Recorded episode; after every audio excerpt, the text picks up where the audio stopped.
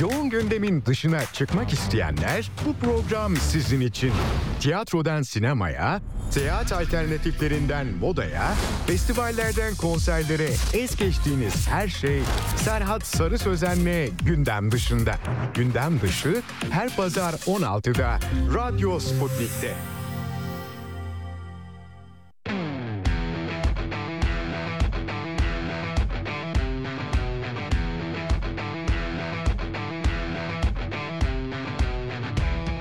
Non sanno di che parlo, vestiti sporchi fra di fango, giallo di siga fra le dita, io con la siga camminando.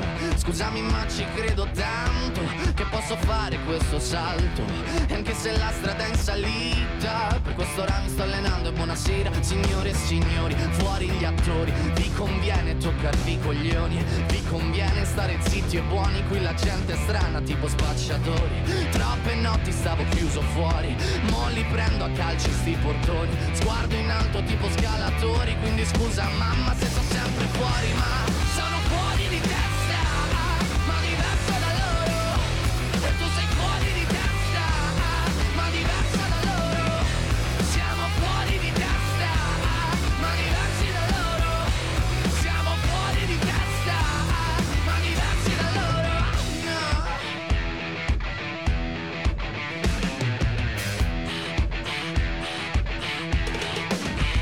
Io. Ho scritto pagine e pagine, ho visto sale poi lacrime. Questi uomini in macchine, non scalare le rapide. Scritto sopra una lapide, in casa mia non c'è Dio Ma se trovi il senso del tempo risalirai dal tuo oblio E non c'è vento che fermi la naturale potenza. Dal punto giusto di vista del vento senti l'ebbrezza. Con la lincera alla schiena ricercherò quell'altezza. Se vuoi fermarmi di testa prova a tagliarmi la testa perché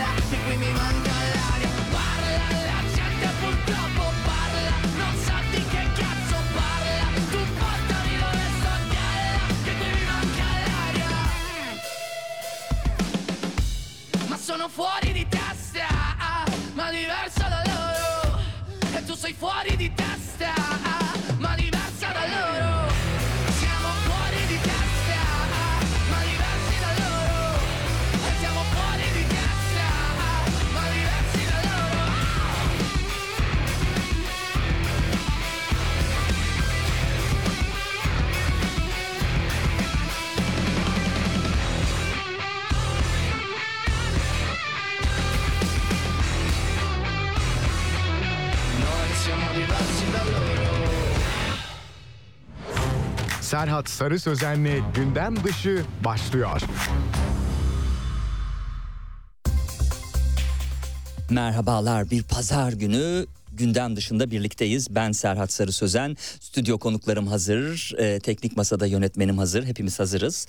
Dinleyenler de hazırsa başlayalım. İlk konuğum Ece Özbaş. E, kitaplarını gönderdi, bir kısmını gönderdi ama epey bir külliyat e, önümde şu an var. Hoş geldiniz. Hoş buldum. Nasılsınız? Harika. Ee, şimdi e, bir ufak bir sıkıntı yaşayabiliriz sesle ilgili. Diğer mikrofonu şöyle bir kaydıralım. Ee, şimdi Ece Özbaş'ın Babamın Çirkin Kadınları, e, Del Delice ve Cumhuriyet Sevdası e, kitapları önümde. Bir de e, Sihrin Kovulmuş Melekleri ama bunun dışında da yazdığı eserleri var. E, ve bunları konuşacağız. Şu an sesinizi duyabiliyorum. Duyu- Tekrar merhaba. Evet. Tekrar merhaba. Nasılsınız? İyisiniz? Teşekkür ederim. Şahaneyim. Burada olmak çok güzel, çok keyifli. Ne güzel bunları duymak e, harika. E, tabii e, selam çaktığı ve derdi olan bir kitap. E, bazı eserlere selam çakan Evet. e, ve e, aslında Ece Özbaş'ın içini döken e, kelime oyunları yaptığı, harflerin yerini değiştirdiği kapakta bile okuyucusunun kafasını biraz karıştırdı. İki isimli bir kitap değil mi? E, babamın Evet. çirkin kadınları, annemin hoyrat yalanları. Ama tabii e, alttaki ismi okuyabilmek için sevgili dinleyenler epey bir çaba sarf ettik. Çünkü tersten yazdığı için e, İran Alay filan diye böyle bir acaba nece yazmış Ece Özbaş diye Evet soracakken. o yüzden çeviri zannediyorlar. Siz mi çevirdiniz diye soruyorlar. Evet çevirdim diyorum. e, tersten yazmayla hedeflediğiniz şey neydi? Ee, kadın meselesine e, yanlış herkes herkesin kadınların dahil tersten baktığını söylemek istedim. Hmm. Bu yüzden de bunu tersten yazmayı tercih ettim. Ee, o tersten yazdığım kısımlar e, iki ana karakterimiz var ve erkeğin olduğu kısımlar.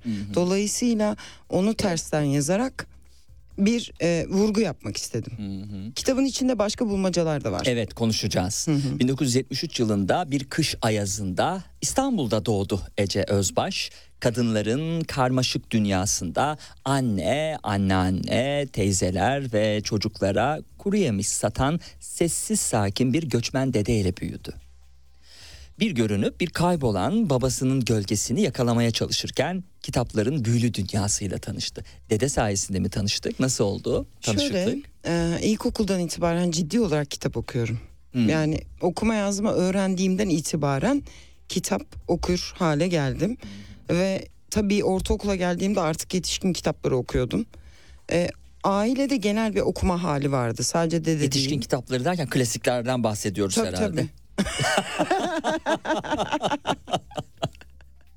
Şimdi 73'te olduğum e, düşünülürse bizim zamanımızda o kadar e, yetişkin kitapları yoktu o çağda.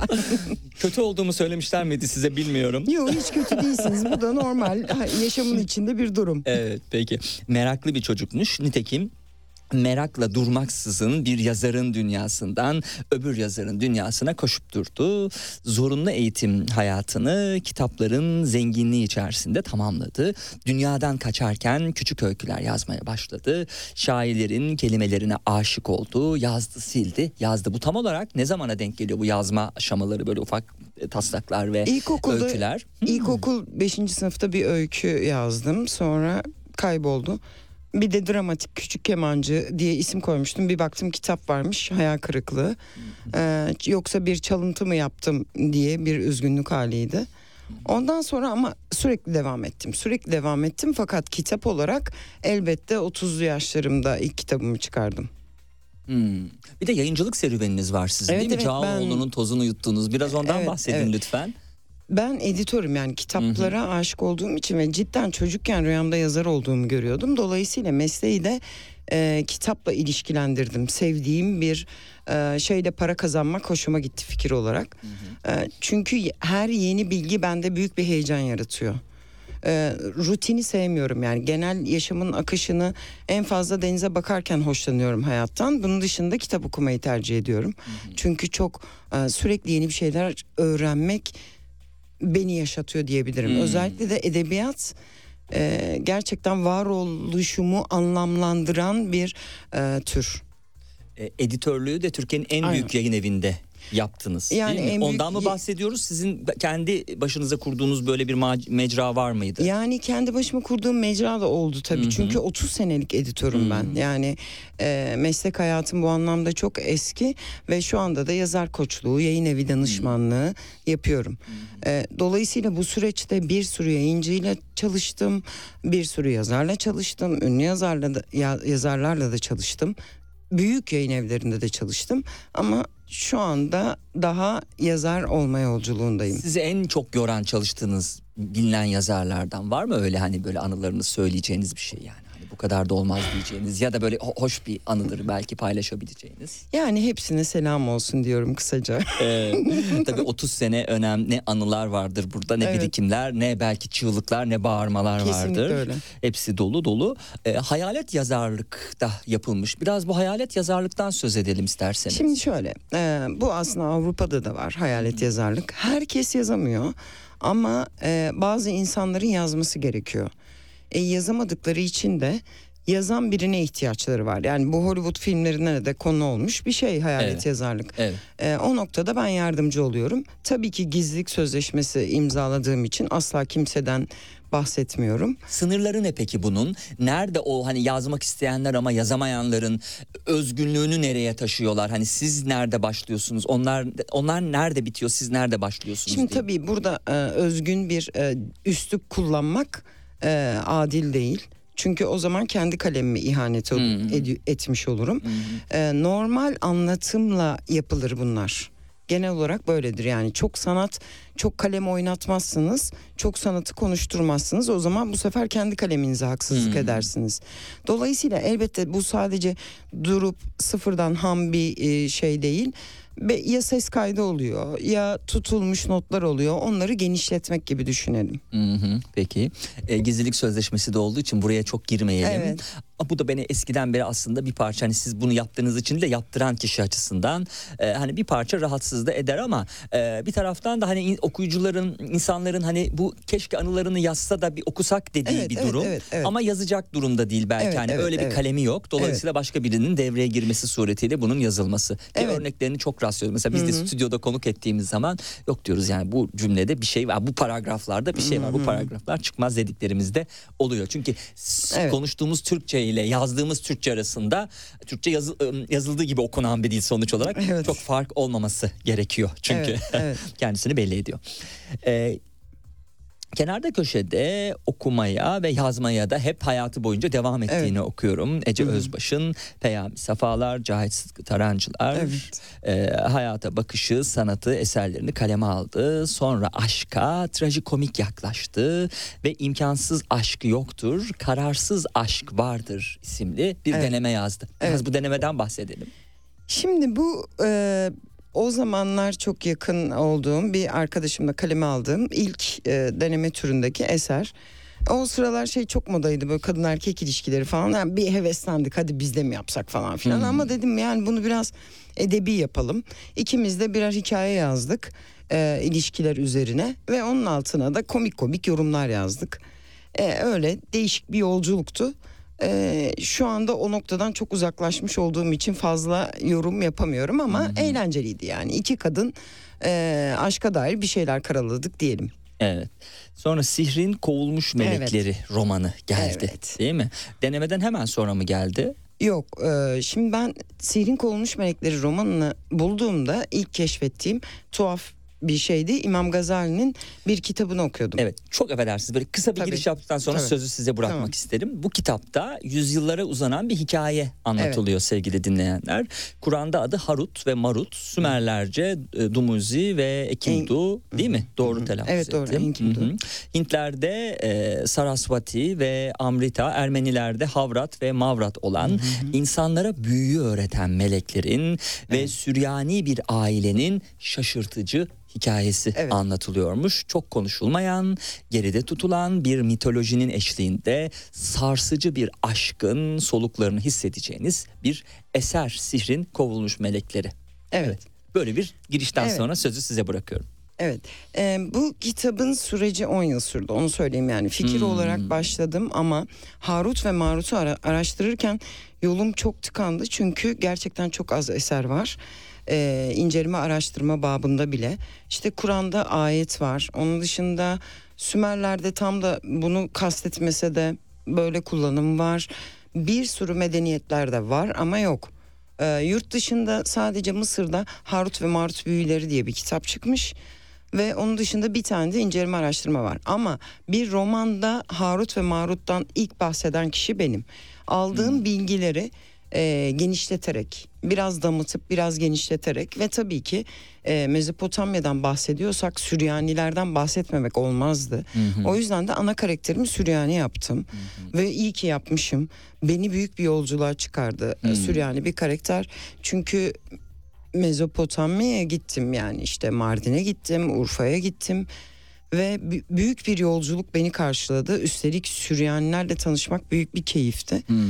Ee, müthiş bir e, kapsayıcı e, ve aslında hepimizin aynı toprakta yaşadığımız ama bilmediğimiz bir ırk, özel bir ırk. Asur'un devamı.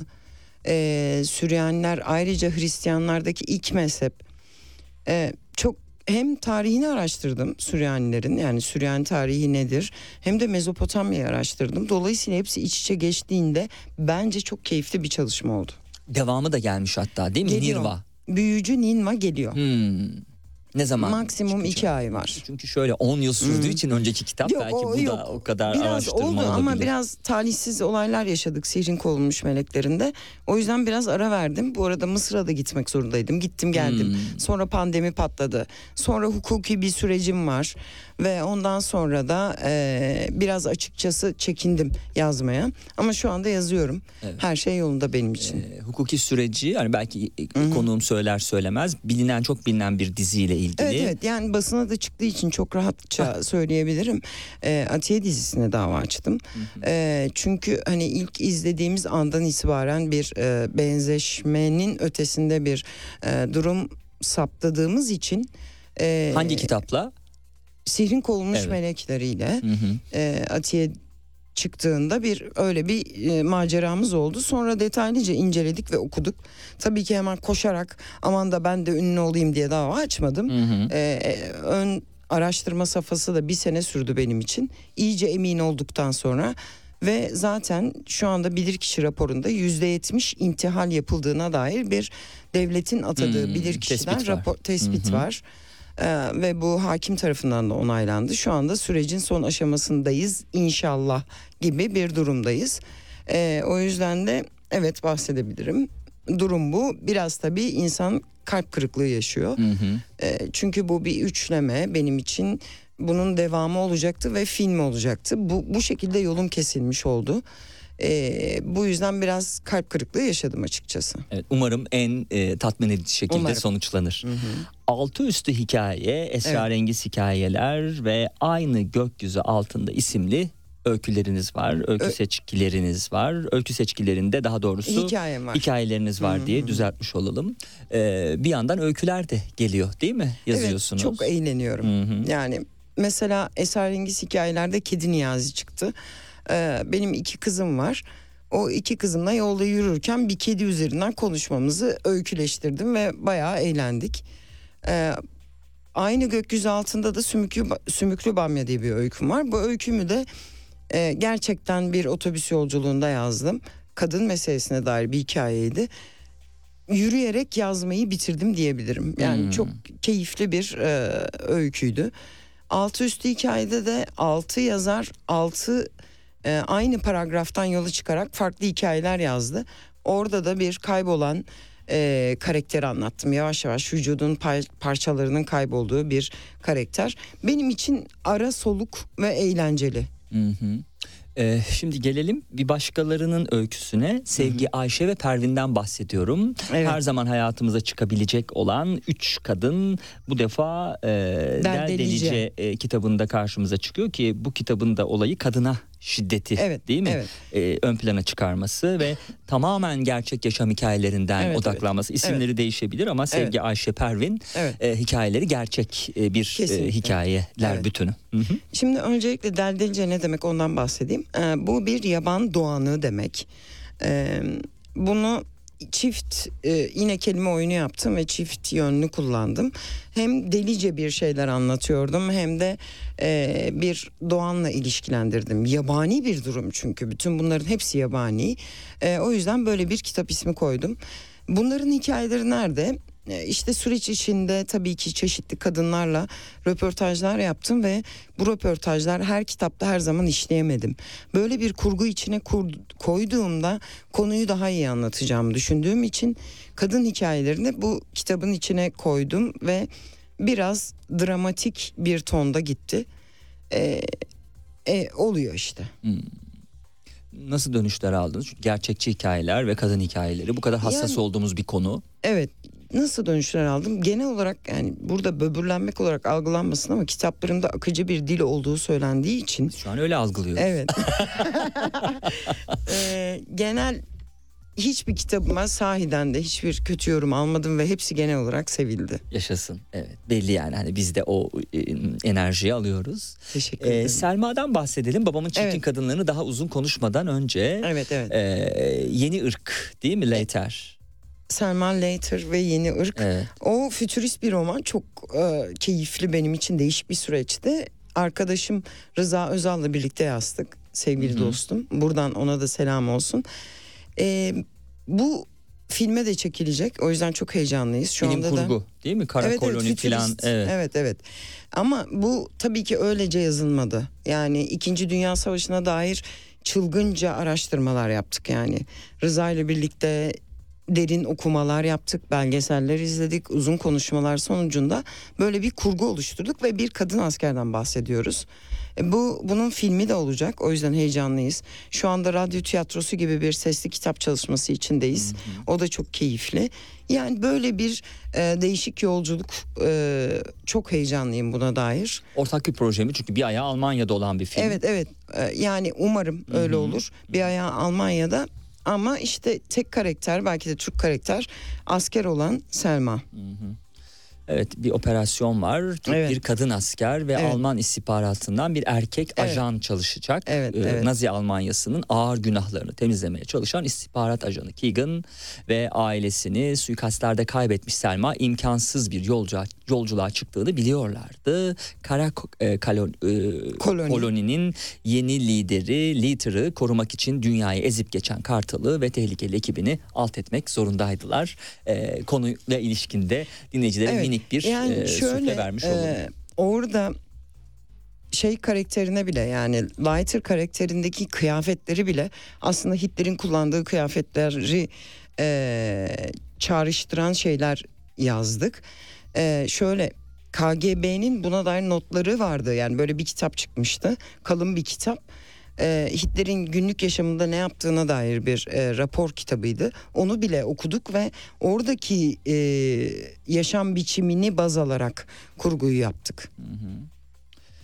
Eh, gelelim babamın çirkin kadınlarına. Daha Evet. uzun konuşmuş olacağız konuşacağız bunu. Diğerlerinden böyle tadımlık eh, biz Ece Özbaşı da eh, sizlere biraz daha eh, böyle konuşmak için eh, onu dinletmek için eh, uzun sürdürdük. Eh, ve bir- Teşekkür biraz ederim. biraz eh, bahsettik diğerlerinden. Gelelim babamın çirkin kadınlarına. Şehirli bir kadın babasının kadınlarını bulmak için köklerine Orta Anadolu'ya yaptığı seferde hiç beklemediği olaylara sürüklenir. Kitabın arka kısmından bir cümle okumuş Evet. oldum. Burayı buradan e, itibaren sözü vereyim. Ne isterseniz e, bu, bu kitaba ilişkin söyleyin. Sonra aralara gireceğiz. Metinlerden okuyacağım olacak. E, bu kez okurlarını türkülere sürüklediği, Evet. türkülerle sürüklediği alemlerde dolaştırıp pavyonlara girip çıkıyor. Evet. Ee, ve kadının dünyasından yükselen bozdaklara kulak veriyor. Neşet Evet. Ertaş'ın e, Evet. E, müziği eşliğinde ya da Evet. sazı eşliğinde Evet. diyelim. Evet. Evet. Buyurun. Kitap bozlaklarla kurulu diyebilirim. Benim için e, çok keyifli bir e, çalışmaydı. Bir süre yani uzun bir süredir kurgusunu yapmıştım. E, nasıl canlanacağını bilmiyordum. Birdenbire canlandı. Yazmıştım biraz. E, tabii gezdim. Yine gezdim. Ben her kitap çalışmamda geziyorum. Yani Nerelerde gezdiniz? yazdığım bölgeleri geziyorum genel Hı hı olarak. hı. Ee, burada da tabii ki Kırşehir'e gittim. Hmm. Yani Neşet Baba'nın memleketini dolaşmadan olur mu? Ankara'da pavyona gittim. Cidden gittim. Peki nasıl karşıladılar sizi? Yalnız Şöyle, mı gittiniz Yalnız arkadaşlar? gittim. Aa, yani tabii tabii. Aa. yani olacaksa bu Evet, yolculuk tabii. böyle olmalı. tabii ki. Ankara'da orta sınıf bir pavyondu. Çok güzel, keyifli bir şeydi. Yani uzun süredir e, girmeyi düşünüyordum. Fakat o gün yani tuhaf ama bir müze gezisinden sonra tarihi bir lokantaya girdik Hmm. ve işte acıktık. Arkadaşlar yemek yiyorduk. Sonra bir baktım orada pavyonlar var. Evet. Meşhurdur tabii Ankara'nın Tabii, pavyonları. tabii. Ankaralılar da kızacaklar ama yani yapacak bir şey yok. Ama ne yapalım biz mi yaptık yani? Hani Evet. pavyonları açan onlar. Evet. Yapabileceğimiz bir şey yok. Evet, evet. Sonra bak Merak eder miydiniz peki hiç pavyona gitmek? Yani kitap projesi dışında da böyle aklınızda var mıydı acaba nasıl bir yer, neler yapıyorlar diye hiç düşündünüz mü? yani Kitapla evet. bağlantılısa. Yani şunu demek istiyorum. Sizin pavyona gitmeniz bir bahane miydi? Pavyona gitmek için kitabı Yok, yazmak? değildi. Değildi kitap için gittin. Kitap için gittim. Peki. Cidden merak etmiyordum çünkü YouTube'da bir sürü video var zaten. Ha, hani evet. e, gayet net olarak izlenebiliyor olan biten. Evet, evet. E, bir sürü belgesel de çekildi bu anlamda. Yani neyse ki iyi bir şey bu. Bu yüzleşme halini doğru buluyorum. Belgeselleri de çekilmeli. insanlar bunu konuşmalılar da. Ne kadar halı altına süpürürseniz o kadar e, çılgınca bir e, aşağıda karşılık bulur. Bense her şey su yüzüne çıksın. Artık temizlenebildiği kadar her şey temizlensin ve daha insani bir hale getirelim bütün bu düzeni derdindeyim açıkçası. Ee, burada feminist bir yaklaşımım yok. Öncelikle onu söylemek istiyorum. Ee, ben bir feminist değilim. Feminist olmak da istemiyorum. Ben insan tarafında duruyorum. Ama hümanist miyim ona da emin değilim. Hmm. Yani bu buradaki derdim herkesin kendi gibi olması. Ne cinsiyeti bu anlamda umursamıyorum. Ee, çünkü artık bu dönemde değiliz 21. yüzyıldayız yapay, yapay zekadan konuşuyoruz ve robotlar üretiliyor. Yani bu durumda oturup da uzun uzadıya kadın erkek cinsiyet vesaire konularını konuşmak bana biraz kendimize kötü davranmak ve hmm, kötü davranmak gibi geliyor evet. Ve bense hmm, bu dünya yolculuğunun böyle vasat bir noktada ilerlemesini istemiyorum. İstiyorum ki başka şeyler konuşalım artık dünyada. İstiyorum ki başka alemleri keşfedelim. Şimdi tekrar pavyona geri dönersek ki dönmek gerekiyor. Tabii. Evet Ee, bu yolculuğu anlatmam lazım. Herkese selam olsun yardımcı olan. Ee, orası eski bir lokantaydı ve mm, şef garson abi hakikaten hani böyle sevdiğimiz esnaf şef garson abiler vardır. Ee, bilirsiniz aman ablamız ne alır daha ne alır gibi. Orada direkt fark edince o ışığı dedim ki "Ee, acaba bu pavyonda bir müdür tanıdığımız var mıdır? Evet. Sağ olsun dedi ki evet. Hemen nasıl olduysa işte her şey yardımcı oluyor bu durumda. Ee, beş dakika içinde pavyon müdürü yanımızdaydı. Varmış böyle bir kurum yani. Evet evet. Pavyon müdürü. Evet var tabii ki var ve çok profesyonel çalışıyorlar ve çok klaslar sahiden yani bir erkeğin gidebileceği en iyi cennetlerden Öyle diyebilirim. mi? Aa. Orada yayıncı da belki de sanki çok iyi bilmesine rağmen bilmiyormuş gibi yapıyor. tabii ki öyle olacak. Hiç hepimiz belgesel izliyoruz. Değil mi? Evet. Evet ve gittim. Ee, sağ olsunlar bana bir saat dedim yeterli benim için. Üst katta oturdum ve ama önceden hazırlıklıydım yani belgesel izlemiştim. Hatta konuya dair tezler okudum. Bir kitap var. Ee, inanılmaz iyi bir kitap bu arada eğlence hayatını anlatan bu anlamda pavyonları anlatan bir akademisyenin kitabı var onu okudum. Ee, çeşit çeşit tezler vesaire ve hazırlıklı gittim. Aslında süreci biliyordum. Ben sadece gözlemlemeye gittim. Ama tabii ki not, notlar aldım.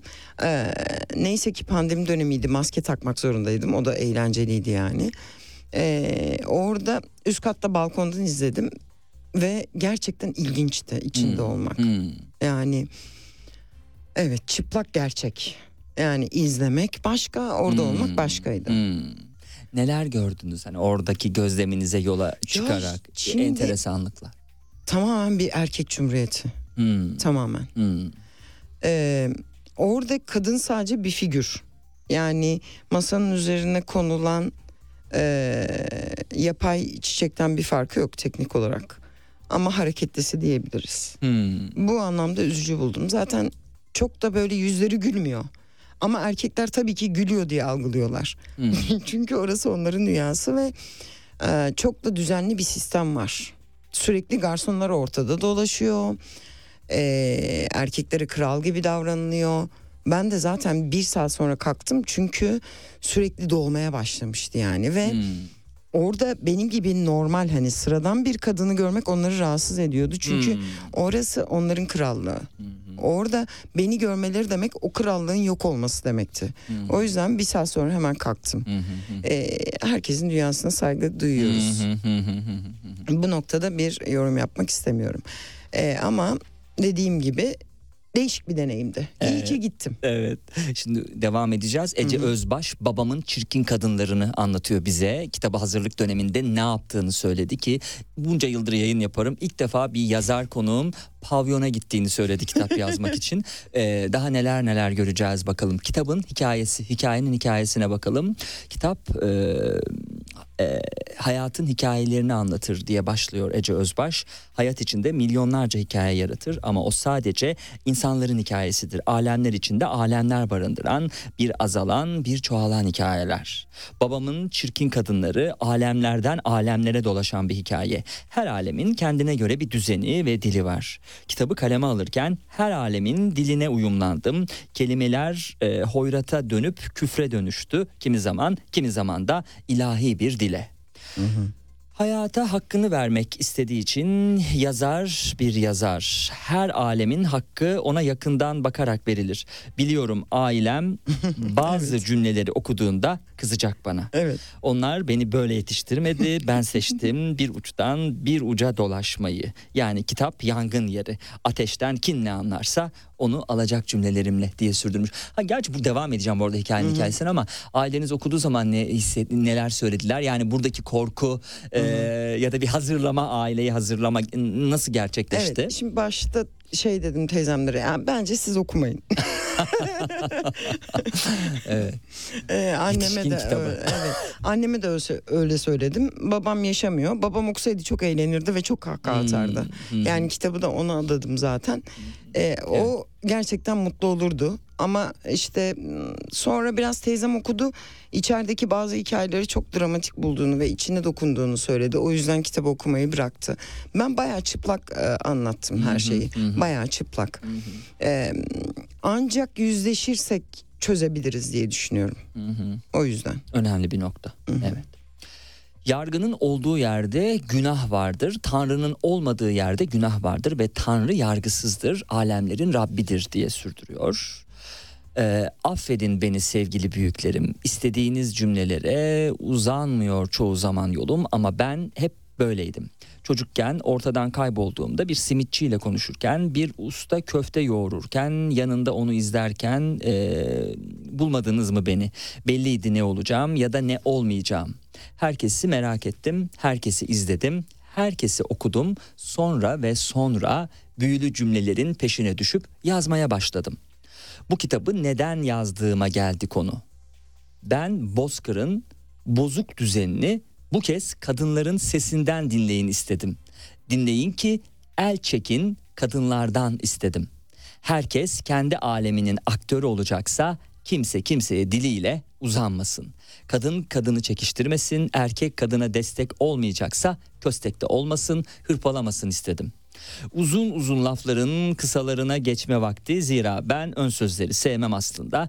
Her kitap okurunun alemini de taşır çünkü. Dokunulmasını istemem, e, yazarın bile dokunulmasını istemem.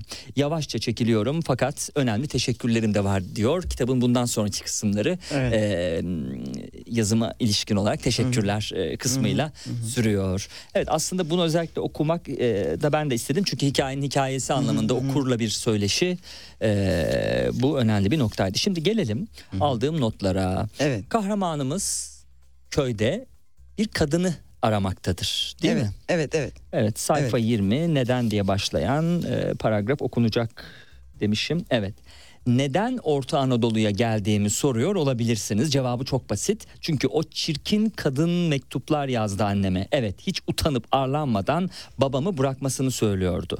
Biz anneannemle mektupları annemden önce yakalamaya çalışma eylemini bir dedektif titizliğinde yapar hale gelmiştik. O kadın annemin yeşil gözlerini aldırmadan kara kuru pis görüntüsünü umursamadan babamı kendisine bırakması gerektiğine dair uzun yazılar yazıyordu diye e, Orta Anadolu'da olmanın ve hani kitabın da başlangıcının sebebini bu sayede okuyoruz. Evet. Evet. Yani böyle siz okuyunca ne kadar da güzel durdu. o yüzden böyle kala kaldım ben. Siz yazınca da ne güzel okudum. Teşekkür ederim. Ee, evet. Yani bö- böyle bir hikayeyle başlıyor. Kadın ee, aslında romanı okuduklarında görecek. Ee, aşık olduğu bir adam var ve o evlenme teklif ediyor. Ve çok korkuyor.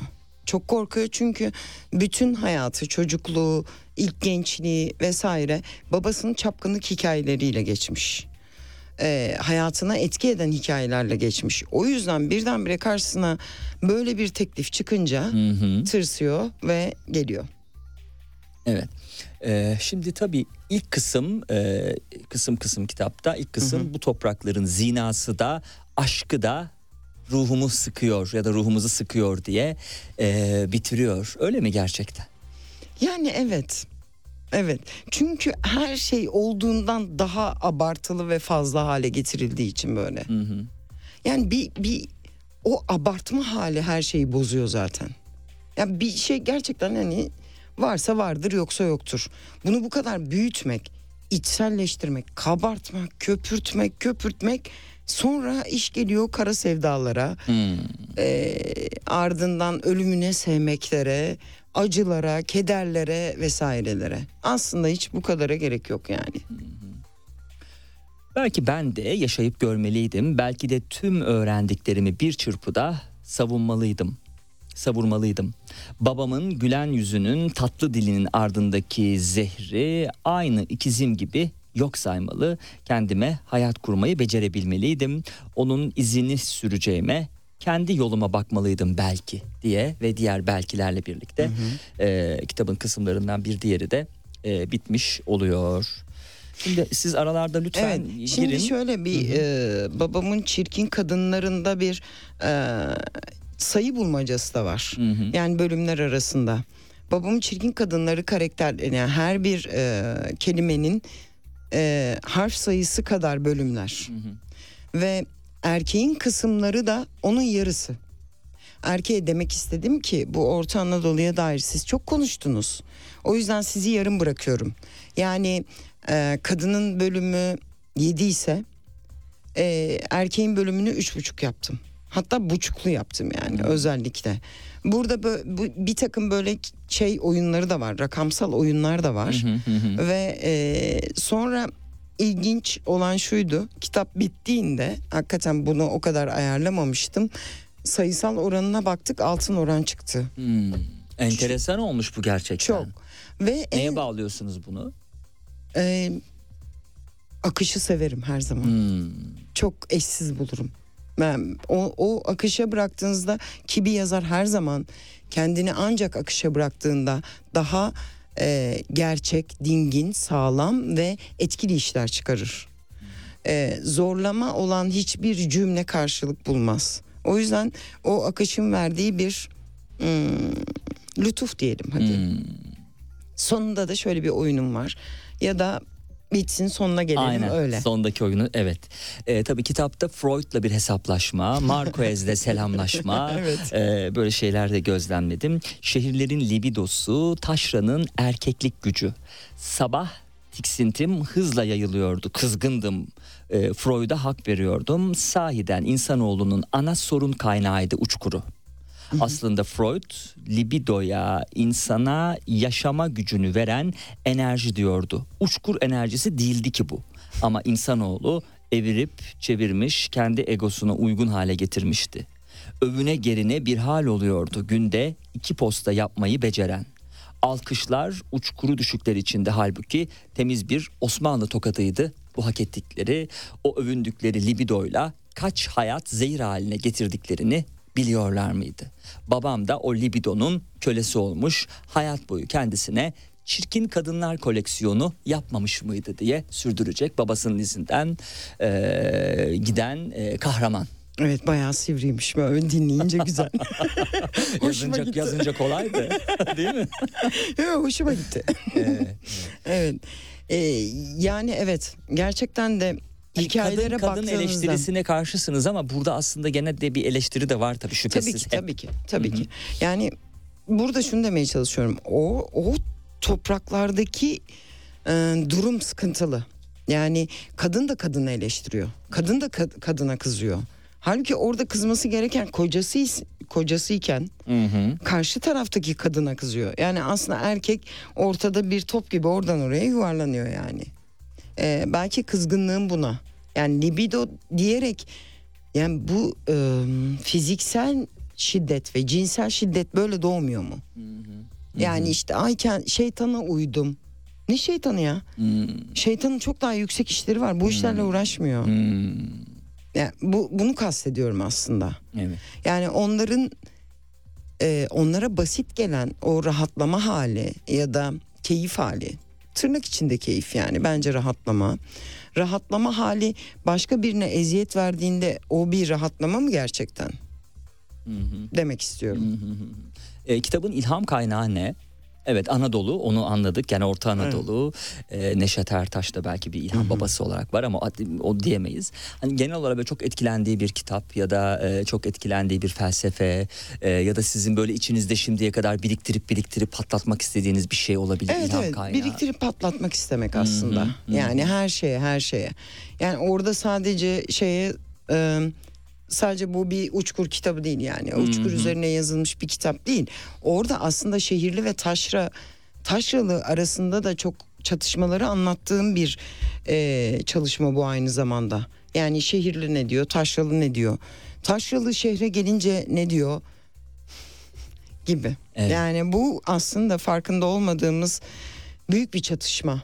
Evet. Yani Taşra'da doğup büyüyüp okumak için buraya gelip sonra belli bir yere gelip ondan sonra şehirde doğup büyümüş biz insanları e, burun ucuyla bakıp e, kaşlarını kaldırarak aşağılayan bir sürü taşralı var. E, buna da bunu da anlatmak istiyorum. Bir de Buyurun. e, entelektüelliği saf bilgi sevgisi olarak algılamayıp e, fular takıp saç uzatıp küpe takıp e, ve sadece buna indirgeyen bir biçime de itiraz ettim. Tabii ben e, ilham kaynağı derken bir taraftan şunu da söyledim hani e, Marquez'e bir selam var evet, Evet. E, başta kitabı okurken de Marquez'in hani kitabın ismini söylesem mi diye tereddüt etmiştim ama sonuç olarak bir edebiyat eserinden bahsediyoruz Evet. ve Nobel'li bir yazardan Evet. bahsediyoruz. Evet. E, bunu hakaret olarak kullanmıyoruz. Benim Hüzünlü. Orospularım kitabından Evet. bahsediyorum. Evet. E, dolayısıyla o kitaptaki kahramanın da hani izlerini Evet. aradım. Bambaşka bir kitap bu arada şüphesiz. Evet. E, o kısma geldiğimde rahatlamıştım. Gitmeliydi benim orospum. Ağlak orospular Marquez'in olsundu. Bizimki yaşını başını e, arabaya bırakmış olacak. E, koştura koştura pembe sulara koşuyordu diye sürdürecektir. Evet evet Zeynep kısımda. Zeynep diye bir karakterim var. Onu çok seviyorum. yani eğer o da beni tanısaydı severdi eminim.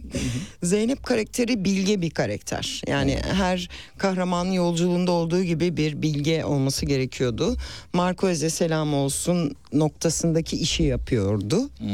Ee, ve eskimişti, yaşlıydı vesaireydi ama bilgeydi.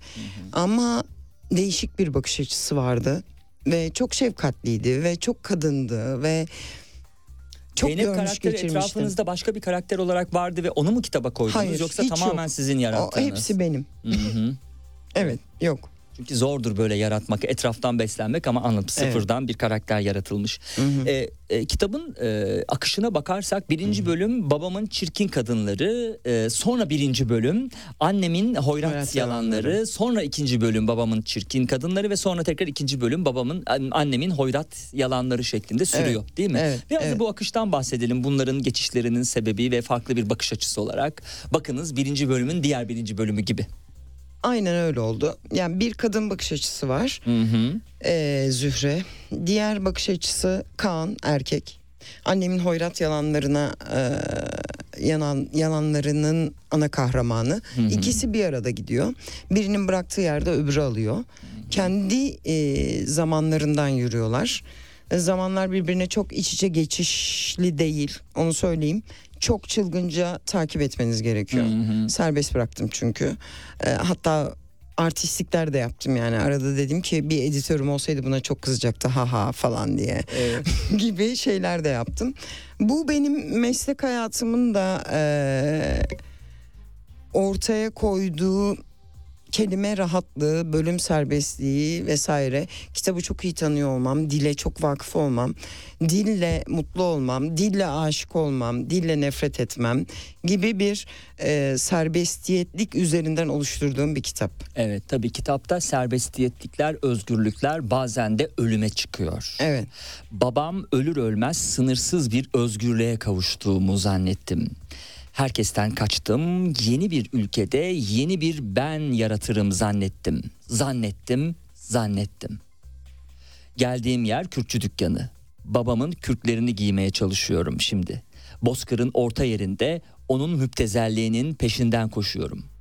avukat müptezelliğinin küçük esnaf müptezelliğinin müptezelliğinden hiçbir farkı yok diye e, sürdürdüğü e, kısımda e, Ece Özbaş. evet çok güzel yerler bulmuşsunuz. Bu arada e, siz editörüm yok dediniz ama onun eksik Var. yani sonuç olarak aslında hani editör var da yok yani siz Evet, evet. yıllarca editörlük Evet. yaptığınız için Evet. aslında hem yazdınız hem bunun Evet. editliğini yapmış oldunuz. E, Ona çok bir şey kalmadı editörüm gibi de mi? var. Hı hı. Evet. E, Atilla Ağarbaş. Editörüm. Bir e, tabii ki e, erkek dünyasına ihtiyacım vardı. E, çünkü bazı hani gerçekten naif kalıyor. Yani Evet. Hanımefendi, yazıyorsunuz ama hanımefendiciğim pavyona gitmişsiniz. Daha ne, ne, ne olacak erkek dünyası yani. ama yani bir e, dilsel manada da çok naif de kalmak istemedim. Çünkü Hı hı. erkekleri dillendirdiğim bölümler var. E, onlardan da çok hoşlandım. Bu arada Kaan karakterini de çok severim. E, yazdığım Hı hı. oradaki Koran karakterini de seviyorum. Çünkü çok çıplak konuşuyorlar. Yani çok gerçek konuşuyorlar. Hiçbir örtü yok konuşmaları arasında. E, bu noktada da yardım istedim. Atilla Arbaş sağ olsun bana bu anlamda destek oldu. Her okuduğu bölümde aa bu biraz evet naif kaçmış gerçekten diye kibarca ifade edip e, başka başka küfürler sundu diyeyim. Komik oldu ama yani böyle. Şahane. Bu arada ben mikrofonu kapatmış olabilirim. Evet, Evet. mikrofonu kapattım. Ee, kitapları üstüne koydum üst üste. Tabii Ece Özbaş'ın bütün kitapları gelince e, böyle koyacak yer kalmadım. Külliyat fazla. Teşekkür ederim. Ee, sevdiğim paragraf, e, kitapta en sevdiğim paragraflardan biri de şuydu. Hayatın kadınların bağırtılarıyla gözyaşları arasında mekik dokudu. Evin erkek tanrısı kendine yeni dünyalar kurup dağıtırken ben de şaşkın ve sinirli tanrılar doğurdum. Önce kızdım neden ikiye bölüp getirdiniz beni dünyaya diye ikizinden bahsediyor burada. Herkes gibi tek kişi olabilecekken beni ikiden çıkarmışlardı. Üstüme yapışan bir yük gibi gördüm Zermine'yi hep.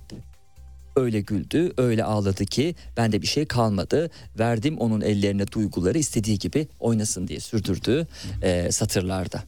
E, bir yerde siyasete de bir giriş vardı sanki. Eğer benim notlarım e, yanlış e, Yani çok değilse. pol- politikayla çok ilgilenen biri değilim ama Hı bu toprakta yaşayıp da e, politikadan etkilenmemek ya da değinmemek mümkün değil. Ne demişim merak ettim ama. Ama ne Evet. kadar güzel yerler bulmuşsunuz. Çok güzel. ben hoşuma gitti bayağı. Ya şimdi e, şöyle bazen konuklarımız aman tadı kaçmasın, aman şusu olmasın, aman busu olmasın dedi diye diyor diye mümkün olduğunca çok e, dinleyiciye bırakmak istiyorum hikayeyi ama böyle özel e, merak Yok, uyandıran hiç, yerlerden hiç, alıyorum. Hiç dert değil. Siyaseti sevmem. Ee, bunun aldığım notta siyasete yetişkin e, kahramanın e, gözlerinden bakalım ya da görüşlerine bakalım.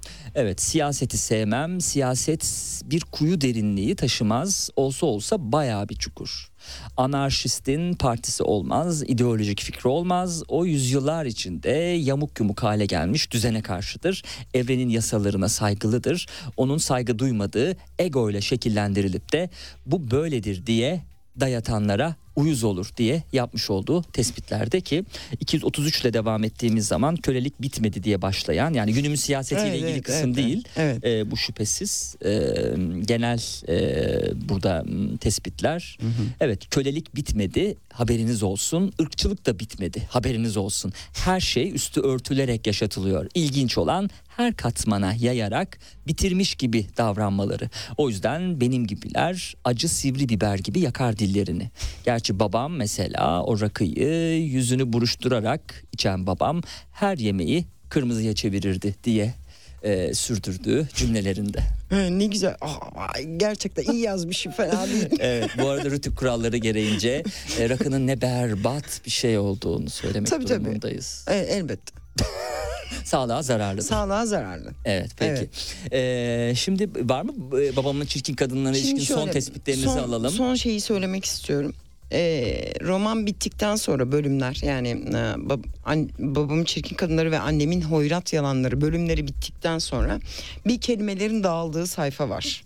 Dikkat ettiniz mi bilmiyorum. Evet, evet son kısımlarda aynen. Evet. Hatta şöyle not almışım sayfa 315'i bize bir çevirir misiniz diye söylemişim. Çünkü evet. 316'da kızıl diye başlayan cümle gayet Evet. güzel ama öncesini kaçırıyoruz Hmm, dediğim kısım. Tamam. Peki. Buyurun. Şimdi şöyle e, orada Değil yaptığım... orayı kastediyorsunuz? Sanırım. Hı hı. Tam yani sayfaları ezbere bilmediğim için Ee, şöyle söyleyebilirim. Şimdi orada şöyle bir oyun oynadım. Ee, orada bazı sayfalarda en arkada rakamlar var. Fark ettiniz mi yazının altında? Evet. Rakamlar var. Evet. Evet. Bu rakamların anlamı şu. Hikayeler bittikten sonra kelimeler döküldü ve ondan sonra e, şöyle bir şey yaptım. Orada bozlak ahenk ayarı attım. Yani bağlamada rakamların anlamı o. Hı hı. Onları o sayı kadar diyelim 280 yazıyorsa 280 kelime virgül 2 kelime Ha, şeklinde. 349,2 Evet. mesela. Evet, evet. 349 kelime virgül 2 kelime gibi bir buraya bozlak ahenk akora kattım ki artık uzlaştılar, buluştular. Kadın da uzlaştı her şeyle. Yani ahenk akoru atıldı ve ondan sonra bir bölüm daha yazdım. Şey söyleyeceğim. Bu yayın olmasaydı bunu çözebilecek olan kişi var mıydı bilmiyorum. Pek yani yok. CIA filan herhalde gelse şifre çözücülerle bu söylediğiniz şeyi çözer miydi emin değilim. Sayenizde şifre kırıldı. Şifre kırıcı Değil program. mi? Ne anlatıyor diye belki de hani e, insanlar uğraşsalar dursalar şifre Evet. kırıcılarla bunu bulamayacaklar. Evet. Evet. E, ama E, çok da- ilginç göndermeler bunlar. O kadar da bunlar eğleneyim sizin, ya. Evet kendi kendinizi eğlendirmek için aslında kendi Evet. ruh dünyanızı beslemek için yaptığınız Evet, küçük evet, oyunlar evet. ki şahane. Bir gün herkes anlayacak beni. evet. Ee, bu arada konsomatris tanımıyla sonlandırmak istiyoruz programı sevgili dinleyenler. Konsomatris göçmen kuşlar gibidir haberiniz olsun. Hasat nereye düşerse oraya düşer boyalı kadın. Ee, patron erkeğin cebinin nerede ne zaman işlediğini bilir. Şimdi bu kızlar şanslı. Yok diye burun kıvır, kıvırabiliyorlar. Bizim zamanımızda bıkın çıkmadan efendi efendi ardından giderdin diye e, yazdığı e, satırlarda babamın çirkin kadınlarında Ece Özbaş. evet.